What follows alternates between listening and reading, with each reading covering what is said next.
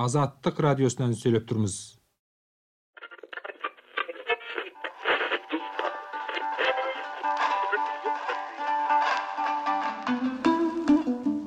азаттык радиосунан сүйлөп турбуз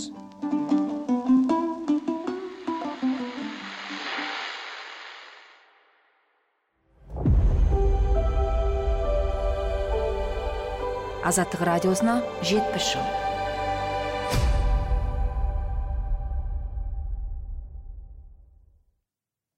армысыздар ардақты ағайын. Назарларыңызда азаттық радиосының жетпіс жылдығына арналған аудио подкаст. Оны жүргізетін мен қуанышбек қари. Біз бүгін азаттық радиосының желтоқсан оқиғасы туралы алғашқы бес жыл ішінде таратқан хабарларына шолу жасап көреміз. Қаймана қазақ қамы үшін қарусыз шықтық алаңға алыстан әскер алдырып қырып салдау табанда. Сөйлесем даусым жетпейтін. Кез болдық мынау заманға. Шовинизм еді ғой. Басты себеп жанжалға. Екі жүзің қырылып екі жүзің ұрылып екі жүзің сотталып. Жоқтаусыз кетіп барасың. Қатарым жаусап қалғанда қыршынынан қиылып солармен бірге өлсемші ай алдыңғы подкастта азаттық радиосының қысқаша тарихы туралы айтқанбыз. 1953 жылы наурыз айында мюнхенде құрылған азаттық радиосы совет одағына қараған елдердің тілдерінде ақпарат тарата бастады. 1985 жылы совет билігіне михаил горбачев келген соң басталған жаңа реформалар көбіне сөз күйінде қалады. Коммунистік партия жетекшілігіндегі советтік республикалар одағы 1991 жылы бір жолата күйрегенге дейін адамға қарсы басып жаныштаушы репрессиялық әрекетінен танбаған. Оған бір ғана мысал қазақстанда болған 1986 жылғы желтоқсан оқиғасы. 1986 жылы 16 желтоқсанда алматыда сол кездегі коммунистік партияның 18 минуттық жиында қазақстан басшылығынан дінмұхаммед қонаев түсіріліп орнына геннадий колбин тағайындалады. Ол кезде одаққа қарасты республика басшылары бірінші хатшы аталатын. Бірінші хатшының ауыстырылғанына наразы болған адамдар алматының сол кездегі орталық брежнев алаңына жиналады. Мұндай шара қазақстанның өзге де қалаларында жалғасады. 17-18 желтоқсандағы наразылықтың соңы шеруге шыққандардың жаппай қамалып сотталып жазалануымен аяқталады. 99 адамның үстінен қылмыстық іс қозғалады екеуі өлім жазасына кесіледі. Оның біреуі қайрат рысқұлбеков түрмеде қастандықтан қаза табады. Алаңдағы бейбіт шерушілерді тарату үшін мәскеуден қосымша әскери күш алдыртқан билік алаңға шыққандарды бұзақы экстремист және нашақор деп атап оларды ұлтшылдар деп айыптайды. Митингіні күшпен тарату операциясы метель деп аталады. Биліктегі дара коммунистік партия сол кезде қазақ ұлтшылдығы туралы арнайы қаулы қабылдайды. Бұл қаулы 1989 жылы желтоқсан оқиғасын тексеру комиссиясының жұмысынан кейін ғана өзінің күшін жояды. Аязды күні алаңға жиналғандарға қарсы адам талайтын иттер су ататын көліктер сапер күректері полиция шоқпарлары және басқа да құралдар қолданылған. Қазақстандағы осы оқиға туралы сол кезде азаттық радиосының мюнхендегі кеңсесіндегі атмосфера қандай еді?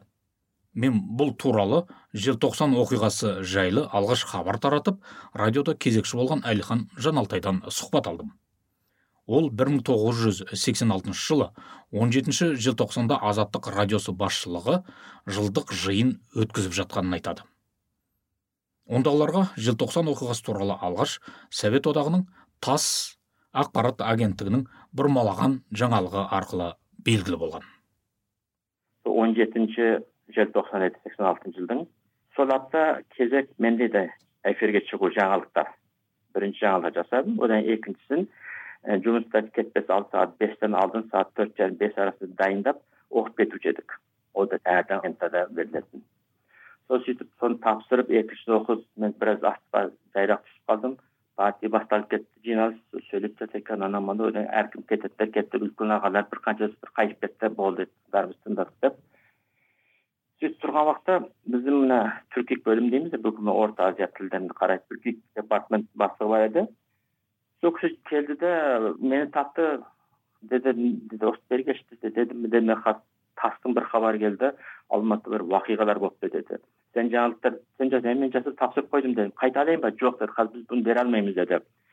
Бірақ деді күтеміз деді. Бұл енді деді тас қана беріп отыр. Рас болма бұрмалаған хабарға бұл тәуелсіз бұлақтан әлі бір растау келген жоқ біз күтеміз егер керек болып жатса берілетін болса түнде бір келіп жаңалық жасауымыз деген сол есімде бар болады дедік ол кетіп қалып бердім ана кісі хабар берді дедім осындай алматыда бір уақиғалар болыпты мән жайын жоқ біле алмай тұрмыз енді жастардың тентектігі бұзақы ана мына бірақ түптің түбінде саяси мәселе жатқан секілді әлі жоқ жоқ деді неден себеп екен соны күтіп отырмыз дедім бәлки мен түнде келуім мүмкін жа болады қасен ағай барады сөйлеп мен қайтып кеттім одан кейін сол бір уақыттарда түнгі сағат қанша уақыт деді деді келді басқа бұлақтардан да расталды ол уақыттарда мәселе югославияның танюн хабар барды олар да бірге сілтеме жасап хабар берді басқа хабарлар бар да mesela UPI дейміз United Press Press Agence France Press одан мына немістерге бар DPA Deutsche Press агенттура соның бәріне ақырын ақырын сол бұлақтарға сілтеме жасалып отырып хабарлар түсті түскеннен кейін бұл енді расталған бір хабар болды сол түн ортасында барып сонымен жаңалықтар дайындадым қысқаша келген сонда білдік саяси дегенде саяси жасап наразылық білдірді қонаевтың түсіріліп қазақстанмен ешбір қатысы болмаған геннадий колбинмен орнатуына байланысты студенттердің наразылығы болды сонымен қақтықтар болды анау мынау деген солар келді бірақ әрине олар енді жамандап жазады ол уақыттағы бәрі наркомдар анадар естіп ішіп алғандар талқандарды вандализм болды деген сөздерді айтып сөйтіп ұлтшылдық ол уақыттағы енді ұлтшылдық деген нәрсе біздің тұрғымыздан енді ұлтшылдық қазір жақсы нәрсе бірақ ол уақыттағы советтіктермен ұлтшылдық меніңше сол фанатизм фашизм сол секілді нәрсе жататын терминология еді ол национализм деген сөз. Иә экстремизм деп. Бір қысқа хабар жасадым да сосын басқасын сол он минут басқа дүние хабарлар тарап кете берді мен ертеңде редакция жиналды үлкен жиналыс өтті деді осындай деді деді осындай осындай қонаевтың ал өзгеріпті сол геннадий колман қазақ жастар көтерді содан кейін біз отырдық сол енді дедік ол жерден тағы міне қазақтар үйтті бүйтті өзара талдау жасадық енді қазақтың ұлтшылдығы қайтадан міне қаншама коммунист болса да енді қазақшылық міне бар екен жоқ алматы расында да міне қонаев кеткен басқа бір қазақ жоқ па? Қазақстаннан туып өскен партияның ішінде талай қазақтар бар. Соны бұрын сұрайды бұл енді әтеге жасалған бір мәселе. Жастар түсіп тағы қазақты қыру міне. Қазақты үнемі осы міне осындай бастарынан әуеттер кетпеді соның қайырлы болсын деп сол сөйткен сол. Енді еске қалған одан кейін сол әр күн талдаулар келіп тұрды анау келді самоздат материалдар келіп тұрды адам құқықтары белгілердің жинаған факттары жасырын жолмен шығарылады текст олар жазады сызады сол самиздат сол материалдар сол самиздат елді совет одағынан сыртқы дүниеге келген материалдар адам құқықтарын тапталу анау мынау уақиғалар коммунистік саясаттардың ұлттық ұлттарға жасалған зұлымдық соғыс нәрселер көбісі адам құқықтары ішіне кіріп сол астыртын шығарар уақыттарда мұны интервью интервью өткізу қайда а телефон жоқ ұстап қалды материал шығарып соны самиздат дейді сол самиздат материал көп бөлуші еді бұл 1986 жылы 17-18 желтоқсан күндері алматыдағы желтоқсан оқиғасы кезінде мюнхендегі азаттық радиосында кезекшілік еткен әлихан жаналтайдың естелігі. Ол кісінің айтуынша желтоқсан оқиғасынан бір апта өткен соң азаттық радиосының қызметкерлерінің қолына қазақстандық баспасөзде жеткен. Сонда қазақстан баспасөзі коммунистік партияның көзқарасымен шеруге шыққандарды айыптау сарынында материалдар жариялаған. Онда жазылған деректер бұрмаланған күннің өзінде оқиғалық жағынан маңызды болатын. Әлихан жаналтай сол кезде азаттық редакциясында жұмыс істеген советтік қазақстаннан қашып шыққан махмет құлмағанбеттің орыс тіліндегі деректер бойынша жұмыс істеп бағдарламалар жасағанын да еске алады.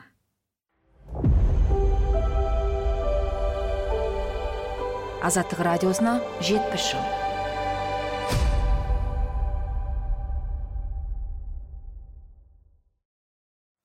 Алматыда желтоқсан оқиғасы болып жатқан күндергі азаттық радиосындағы ахуалды хасен оралтай да өзінің елмайлап өткен өмір деген кітабында да естелік етіп жазған. Ол желтоқсан оқиғасы туралы хабардың қалай жеткенін былай бейнелейді. Ол күні азаттық радиосы мен азат еуропа радиоларының президенті джим фелли жаңа жылдың және христиандардың діни мерекесі айса пайғамбардың туған күні дейтіннің қарсаңында екі радионың бүкіл қызметкерлеріне бір қабылдау беріп жатқанды. Мен ол кезде бас редактордың орынбасары болып істейтінмін. Бас редактор жәкен бапыш демалыста болатын. Мен сол қабылдауда тұрғанда азаттық радиосы зерттеу бөлімінің орта азия мен қазақстан істеріне қарайтын мамандарынан бесис браун деген американдық әйел жүгіріп келіп қазір мәскеудегі елшілік арқылы хабар келді. Алматыда кешеден бері қанды қырғын болып жатыр деді. Сол сағаттан кейін ол жөнінде түрлі бұлақтардан мәліметтер де келіп түсе бастады. Сол күні бүкіл батыс елдер радиолары мен теледидарындағы басты хабар алматыдағы желтоқсан оқиғалары туралы болды. Бәрі де алматыда орыс әкімшілігіне қарсы үлкен ереуіл болғандығын айта келіп советтік әкімшілік жағынан саналы түрде бұрмаланған жаңсақ түсінікке тоқталатын. Қолдарында басқадай мәлімет жоқ екенін советтік әкімшіліктің қатал цензура тыйым шаралары қолданылып отырғандығын айтумен шектелетін. Ал мәскеудің шетелдегі қолшоқпарлары қазақ жастарына жасалған әлгі қаралау жала жабу науқанын бастап үлгергенді сол күннен бастап әр күні дерлік мен өзім желтоқсан оқиғалары туралы жөнінде материалдар әзірлеп радиодан оқып тұрдым. Ол радиодағы күнделікті істің бір бөлімі еді. Ол жеткілікті еместі онымен ғана шекеліп отырмай алматыдағы желтоқсан оқиғалары туралы басқа да іс істеу керек еді. Сол мақсатпен түрлі шетелдік журналистерге ғалымдарға хат жазып қазақстандағы жағдайдың әлем әлеуметшілігіне дұрыс түсіндірілуіне көмектесулерін өтіндім. Хасен оралтай өз естелігінде азаттық радиосының кейбір басшылары мен мамандарының әуелде желтоқсан оқиғасында әскердің бейбіт шерушілерге қарсы сапер күректерін қолданғанына сенбегенін айтады. Кейін тбилиси оқиғаларында да сапер күректері байқалған. Хасен оралтай сонда ғана әлгі адамдардың желтоқсан оқиғасының қалай жанышталғанына сене бастағанын айтады.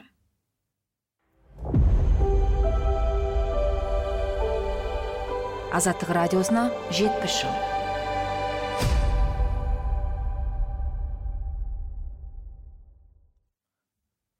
Азаттық радиосы 1987 жылы желтоқсан оқиғасының бір жылдығына арнайы бағдарлама әзірлейді. Кейін радиода жыл сайын желтоқсан оқиғасының жылдығы кезінде осы оқиға туралы хабар тарату дәстүрге айналады. Бұл туралы хасен оралтай естелігінде кеңінен тоқталған. 1986 жылғы 17-18 желтоқсан күнгі оқиғалардың бір жылдығын азаттық радиосында екі үш күн қалғанда бастап көптеген мақалалармен ерекше атап өттік. Сөйтіп ол азаттық радиосы қазақ бөлімінің жыл сайын міндетті түрде атап өтетін күндердің біріне айналды. Желтоқсан оқиғаларын өзім азаттық радиосы қазақ бөлімінің директоры болған 1988 жылдан бастап әр жылы желтоқсан айында бір апта қалғанда арнаулы мақала сұхбаттармен атап өтуді дағдыға айналдырдым. Ол күнгі хабарлар әбербек тінәлінің орындауындағы желтоқсан желі әнімен ашылып мұңайма бала дейтін әнімен аяқталатын хасен оралтай естелігінде айтқан композитор әбиербек тіналиевтің желтоқсан желі әні де алғаш рет азаттық радиосының эфирі арқылы тараған ән авторының айтуынша желтоқсан желі 1986 жылдың 17 желтоқсаны күні жазылған азаттыққа берген сұхбатында композитор кейін алматыға келіп бұл әнді қазақ радиосының студиясында жазғызғанымен әуе толқынынан беруге рұқсат етілмегенін айтады. Әбиірбек тіналиевтің лебізі. Келіннің бетін кім ашса сол дейді. Менің өзімнің өнерімде шығармашылығымда өзімнің жаныма жақын желтоқсан желі деген әуенімді өзімнің жаныма шығарған әнімді тұңғыш рет осы азаттық радиосынан естігенімде өзім көкке дәл жетпей қалған жайым бар. Мінекей бұл орайда келгенде құрметті айналайын ағаларыма сол жақтағы мені демеп қолдап қазақтың өнері үшін жаны шырылдап жүрген ағаларыма үлкен үлкен өзімнің зор рахметімді жеткіземін желтоқсан оқиғасының қалай өрбігені туралы азаттық радиосының сол кездегі хабарларының бірінде мынандай деректер келтіріледі. Микрофон алдында махмет құлмағанбет және талғат көкбұлақ. Желтоқсан оқиғалары күндеріндегі партия мен үкімет басшыларының іс әрекеттері. Желтоқсанның 17 күні сағат 18-де ереуілшілерді алғашқы рет күш пен қуып тарқату жайындағы шешімді қабылдаған жергілікті басшылық колбин мирошхин олардың маслихатшылары камалединов мирошник және князев. Әрине орталықтың мақұлдауымен. Қуып тарқату жайындағы бұйрықты берген князев. Сол уақыттан алматыда жаппай тәртіп бұзу басталды. Одан кейін қуып тарқату әрекеттерін оған арналған штаб бастығы елісов жүргізді. Саяси шешімдерді қабылдаушы колбин және совет одағы компартиясының орталық комитетінің уәкілдері разумов пен мищенко болды. Жағдайды талдау мен оған баға беріп отырған бабков мирошник және князев. Желтоқсанның 17 күні екінші рет су зеңбіректерін қолданып қуып тарқатудың нәтижесі машиналарды өртеу мен ондаған жарақатталған адамдардың пайда болуы.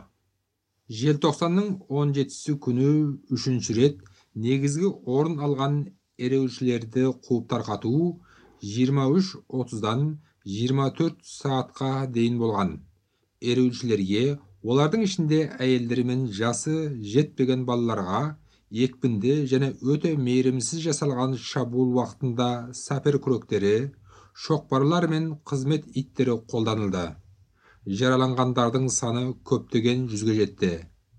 Жастардың алаңға шыққаны ұлтшылдық ретінде түсіндірілді оның саяси бейнесін бүркеп қою әрекеті істелді міне зақаш камалиновтың оқиғаларға сол кезде берген бағасы жастарды соңынан ерту арандатушылардың қолынан келді ал жастар дегеніміз наркотик пен алкоголдан жынданған әсіре ұлтшылдар тобы болатын үзіндінің соңы разымовтың сөздері ұсталған адамдардың 120-сы мас болып шықты. Қайсы бір жерде олар құлқыны қанғанша жалай берген өзіндінің соңы. Мұндай баға әдейі айтылған өтірік еді. Өйткені не ол кезде не одан соңғы күндерде бірде бір мас я наркотикпен есеңгіреген ереуілші ұсталмаған. Оқиғалардың бейнесін бұрмалап көрсететін жалған мәліметтердің бұлағы колбин бабков және разумов. Қала көшелеріне жұмысшыларды шығаруды да ойлап тапқан колбин. Оның ұсынысы бойынша ондай шешім желтоқсанның 18-дегі түнгі мәжілісте қабыл алынған болатын. Онда дұшпанды жазалау тәртіп орнату шақырулары естіліп жатқан. Жұмысшылардың болашақ жасақтарын ұйымдастырушылар мен басшыларына қаратылған сөзінде разумов ерлік жасаңдар тыйыңдар көмектесіңдер. Бұл құбылыс партия мен халыққа жасалған дұшпандық деген еді. Саламонцов келгеннен соң республиканың саяси басшылығы оқиғаларға әсер етуден мүлдем шеттетілген камалиновтың куәлігі бойынша Саламонцовке есеп беруге элисов пен сорокамен және бабковпен қатар книязев пен мирошник жолдастар барып жүрді орталық комитет бюро мүшесі бола тұрып шешім қабылдау ісіне қатыстырмағанын мен жат көрдім мұндай жағдайды мен колбиннің және басқа мәскеуден келген жолдастардың жергілікті кадрларға сенбейтіндері ретінде бағаладым үзіндінің соңы солай бола тұрса да жергілікті басшылардың ешқайсысы істен шеттетілгеніне қарсылық білдірмеді. Бюро мәжілісін я орталық комитет пленумын шақыруды талап етпеді. Совет одағы компартиясы орталық комитетіне я халыққа қарата сөз айтпады. Олардың ешқайсысы заң қорғау орындарының заңсыз істеріне олардың өз құқығын теріс я асыра пайдаланғанына қарсылық білдіріп көрген емес. Желтоқсан айының 18-іне қараған түннің өзінде және одан соңғы күндерде жоғарыдан мынандай нақтылы тапсырма берілген. Оқиғаларды саяси арнадан қарапайым қылмыс арнасына аудару мөлшерін кемітіп көрсету тұншықтыруға қолданылған шаралар мен оның салдарын халықтан жасыру оқиғаларға қатысқандарды сот әкімшілік және басқа түрде қудалау науқанын кең түрде жүргізу. Олармен қатар оқиғаларға ресми берілген бағаны мақұл көрмегендерді қудалаумен бірге халыққа теріс мәлімет беру бүлік салып жүрген астыртын ұйымды іздеумен дүниеде жоқ қазақ ұлтшылдығы елесін түбімен қорыту болатын. 1987 жылы желтоқсан оқиғасы бойынша сотта қайрат рысқұлбеков пен мырзақұл әбдіқұлов ату жазасына кесіледі. Артынан бұл үкім 20 жылдық түрме жазасына өзгертіледі. Бұл өзгеріске адам құқығын қорғау ұйымдарының үндеулері мен халықаралық қауымдастықтың мәлімдемелері себеп болса керек. Мырзақұл әбдіқұлов оның жеті жылын өтеп кейін ақталады. Алайда қайрат рысқұлбеков 22 жасында түрмеде опат болады. Тіпті оның мәйітін де туыстарына көрсетпейді де бермейді. Сот үкімінен кейін қайрат рысқұлбеков сол кездегі ауыр қылмыс бойынша жазасын өтеушілерге арналған свердловск түрмесіне апарылу керек болған. Алайда орта жолда семей түрмесіне жеткізілген қайратты билік өз өзіне қол жұмсады деп жариялайды. Қайраттың онда қалайша қаза болғаны туралы әлі күнге дейін құзырлы орындардың ешқайсысы да ештеңе түсіндірген емес. Совет тергеушілерінің болжамы бойынша қайрат өзімен камералас кәнігі қылмыскердің жейдесіне асылып өлген. Қайрат рысқұлбеков сот кезінде өзінің ақтық сөзін өлеңмен жеткізген. Азаттық радиосы қайраттың сот туралы мынандай хабар таратқан. Сонымен желтоқсан оқиғаларынан соңғы айларда қазақ халқына қарсы бағытталған баспасөз насихаты шыңына жеткен болатын. Ондай жағдайда айыпсыз адамды өлім жазасына кесуде сотқа түк емес еді. Сондықтан қайрат рысқұлбековты өлтірген орыс шовинизмі деуге толықтай негіз бар. Шовинизм өрбіген жерде тіпті өз көзімен көріп отырып өз құлағымен естіп отырса да қазаққа қарсы өтірікті жаза беруге болады екен. Бұған орай алматыдағы ол кездегі апн тілшісі валерий новиковтың московский новости газетінде қайрат рысқұлбековтың соты туралы жазғанын алайық. Мақаланың аты отрезвление яғни айығу тақырыпшасы қазақстан астанасында бір топ қылмыскердің соты аяқталды московский новости апталығы 1987 жыл 26 сан 6 бет. Онда қайрат рысқұлбеков жайында былай делінген Кайрат Рыскулбеков рифмовал на разные лады бесконечную просьбу к суду о милосердии, о жалости, о прощении. Яғни, Қайрат Рысқұлбеков өлеңін әртүрлі ырғақтармен ұйқастырып, соттан мейірімділік, аяныш пен кешірім сұрап, өзінің таусылмайтын өтінішін білдіріп жатты. Үзіндінің соңы. Валерий новиковтың бұл сөздері тап таза өтірік екеніне тыңдаушыларымыздың көзі жетсін деп қайрат рысқұлбековтың сотта өлеңмен айтқан соңғы сөзін тек жалпы кіріспесін алып тастап келтірейік. Ал енді қазір неткен күн орыстан ынсап кеткен күн. Тізесі қатты батқан соң шыдамастан ақыры қарғыс атқан алаңда қарғыс атқан туған күн. Қаймана қазақ қамышын қарусыз шықтық алаңға алыстан әскер алдырып қырып салдау табанда. Сөйлесем даусым жетпейтін кез болдық мынау заманға. Шовинизм еді ғой басты себеп жанжалға. Екі жүзің қырылып екі жүзің ұрылып екі жүзің сотталып жоқтаусыз кетіп барасың. Қатарым жаусап қалғанда қыршыныңнан қиылып солармен бірге өлсем шай артта қалған атанам арулап қолдан көмсе шай тұтқынға түстім жаутаңдай жоламай ешкім қасыма бара қалсаң сәлем айт сырттағы құрбы досыма. Ақтық сөзің не деген? Бүгін қойды сот сұрақ.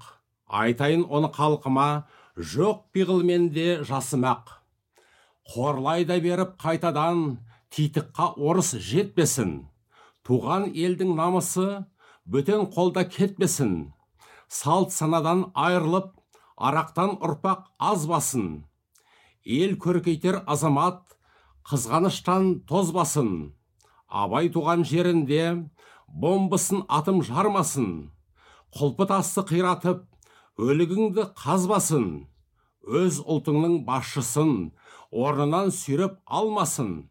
Үміт еткен мәскеуден қардай көңілің қалмасын. Ленин салған сара жол қолдаушысыз болмасын. Барлық ұлтпен тең болып ешкімнен көңілің қалмасын. Ендігі жерде басыңнан бірлік пен бақ таймасын. Осы айтылған ақтық сөз. Туың болсын әрдайым. Мойныма алып жаланы мен болайын құрбаның. Бас аяғы сол болсын басыңа түскен қатердің. Ақтық сөзді енді мен сотқа да бір айтайын. Күнәдан таза басым бар жиырма бірде жасым бар. Қасқалдақтай қаным бар бос торғайдай жаным бар. Алам десең алыңдар қайрат деген атым бар. Қазақ деген затым бар. Еркек тоқты құрбандық. Атам десең атыңдар.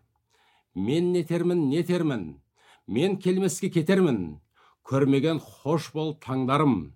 Көре алмай мен өтермін. Хош аман бол артымда. Ағайын туған азамат. Артымда қалған атанам.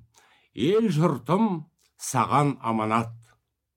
Қайрат рысқұлбековтың адал ер жүрек ұлтжанды ел азаматы болғанын оның ағынан жарылып сот алдында өлеңмен айтқан сөздерінен көріп тұрмыз сонымен қайрат рысқұлбековті өлтірген шовинистер оны ұлт жандылығы үшін таңдап алған деген қорытынды жасауға болады азаттық радиосына жетпіс жыл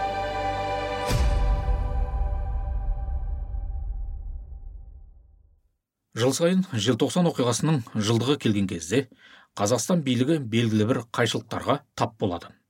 Әсіресе ел тәуелсіздігін жариялағаннан бері желтоқсан оқиғасының жылдығы билік үшін үрей үйіретін оқиғаға айналған. Алайда 1991 жылы осы оқиғаның 5 жылдығы кезінде қазақстан президенті нұрсұлтан назарбаев алматының орталық алаңына келіп сөз сөйлейді. Митингіде болады. Назарбаев не деді? 1986 жылы алаңда түсірілген суреттер неден хабар береді? Бұл туралы алдағы эпизодта айтатын боламыз. Азаттық радиосына 70 жыл аудио подкастының бұл эпизоды осымен тамам. Азаттық туралы азаттықтың өзі айтады. Құлақ тұрыңыз лайк басыңыз бөлісіп жүктеп алыңыз. Сау саламат болыңыздар